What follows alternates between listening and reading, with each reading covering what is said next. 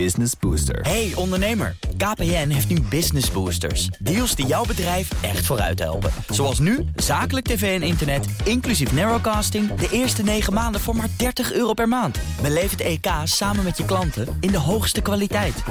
Kijk op kpn.com slash businessbooster. Business Booster. De column van Paul Lasseur. Langs de Provinciale weg in Hoorn staat zo'n lichtgevend reclamebord... waarop twee of drie advertenties elkaar afwisselen. Een van die boodschappen van een financiële dienstverlener trok mijn aandacht. Het stond er echt. Een weekje met oma naar Ibiza? Je kan zoveel meer met een nieuwe hypotheek. Verbijsterend.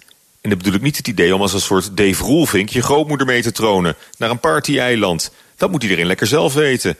Of het voorstel om die hypotheek over te sluiten... zolang de rente nog extreem laag is... Want zelfs na aftrek van alle aflosboetes is er een goede kans dat je beter af bent met nieuwe leningvoorwaarden. Alle begrip daarvoor. Ik zou het maar eens goed uitrekenen thuis. Wat mij wel schokte, was de suggestie van deze gladde hypothekenvergelijker om van de overwaarde van je huis op vakantie te gaan. Een hypotheek op je huis bij wijze van consumptief krediet. Kan ook voor een nieuwe auto of boot. Klinkt verleidelijk, toch? Nee dus. Dat heet een tophypotheek en dat zouden we nooit meer doen. Hebben we dan niets geleerd van al die woningbezitters met hun aflossingsvrije hypotheken, die ondanks alles nog onder water staan, die bij gedwongen verkoop van een huis met een forse restschuld blijven zitten? Een hysterische woningmarkt en vier jaar economische voorspoed is kennelijk genoeg om alle voorzichtigheid alweer te laten varen. Op het eerste gezicht is het hoogstens een wat onbenullige reclametekst op een billboard in Noord-Holland. Maar als je goed kijkt, zijn het signalen van dezelfde hoogmoed en roekeloosheid... die tien jaar geleden aan de financiële crisis voorafgingen.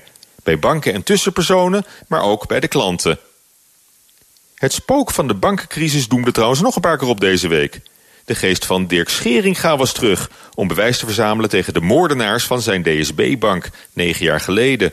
Het ministerie van Financiën en de Nederlandse Bank zouden destijds opzettelijk informatie hebben gelekt om DSB de nek om te draaien. En zondag zat Nout Welling bij WNL op NPO 1. De oud-president van de Nederlandse Bank verwacht de komende tijd meer hoge boetes voor Europese banken. Het blijft dus niet bij die megaschikking van ING met de Nederlandse staat voor 775 miljoen. Waarmee de bank erkent te zijn tekortgeschoten bij het voorkomen van witwassen.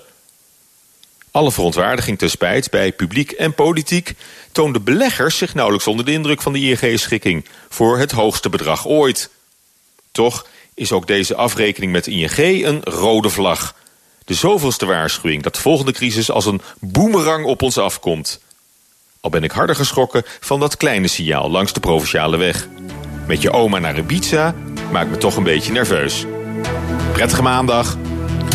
De column van Paul Lasseur lees en luister je terug op bnr.nl en in de BNR-app. Business Booster. Hey ondernemer, KPN heeft nu Business Boosters. Deals die jouw bedrijf echt vooruit helpen. Zoals nu, zakelijk tv en internet, inclusief narrowcasting... de eerste 9 maanden voor maar 30 euro per maand. Beleef het EK samen met je klanten in de hoogste kwaliteit. Kijk op kpn.com slash businessbooster. Business Booster.